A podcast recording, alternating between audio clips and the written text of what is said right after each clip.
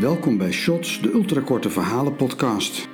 Dit is aflevering 17. Je luistert naar de verhalen Otto Kerkhof en Jojo. Otto Kerkhof.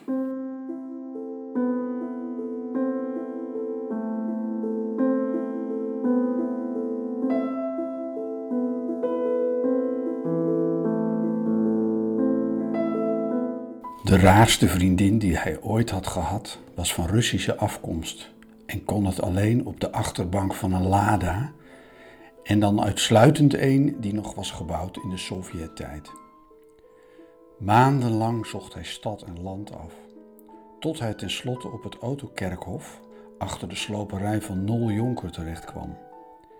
Helemaal achter op het terrein, vol rijen keurig geparkeerde auto's, per merk broederlijk schouder aan schouder, Mercedes naast Mercedes enzovoort, vond hij anderhalve kilometer van de ingang waar kennelijk zelden iemand kwam, de Lada's.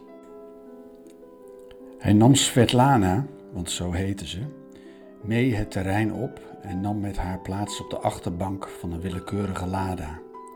Keus genoeg. Ze stonden er van de oudste modellen uit de jaren 60 tot vrij recent. Warm was het niet, nog schoon, maar Svetlana kreeg toch rode konen van gelukzaligheid en ging bij hem op schoot, hoofd omlaag, want Lada's uit de tijd van Brezhnev zijn aan de kleine kant voor vrouwen van nu.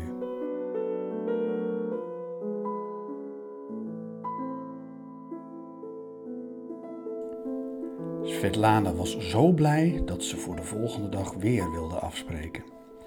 Tegen de tijd dat hij arriveerde was het al te laat natuurlijk, want Svetlana was met Nol Jonker over het terrein aan het toeren.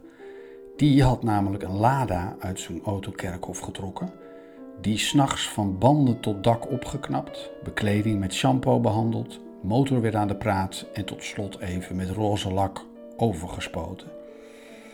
In de auto lag een cassetterecorder op batterijen die Russische muziek spuugde en wat krachtwerk op de koop toe.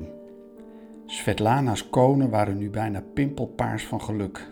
En om de haverklap moest Nol van haar de Lada stilzetten, zodat ze hem weer kon bedanken. En weer en weer.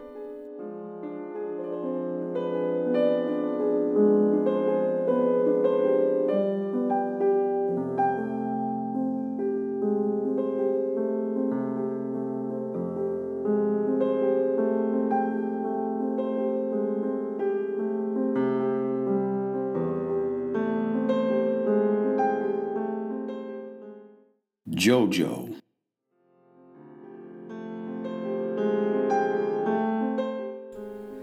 Ja hoor, Jojo staat weer eens tegen een van zijn auto's te praten. Notabene midden op straat.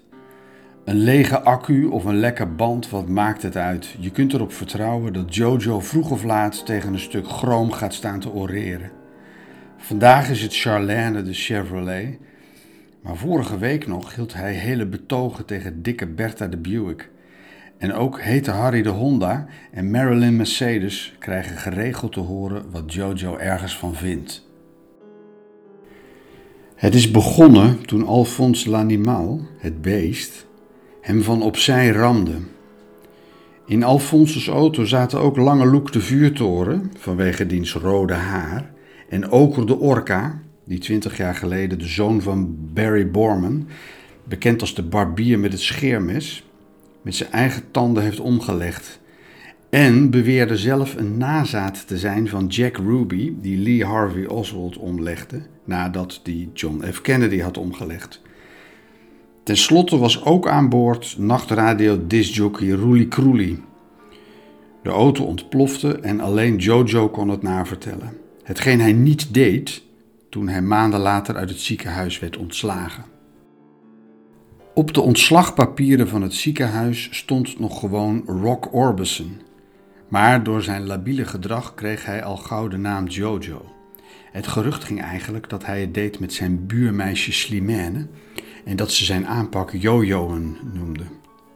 Jojo's vrouw vindt het allemaal niks, maar wat doe je eraan?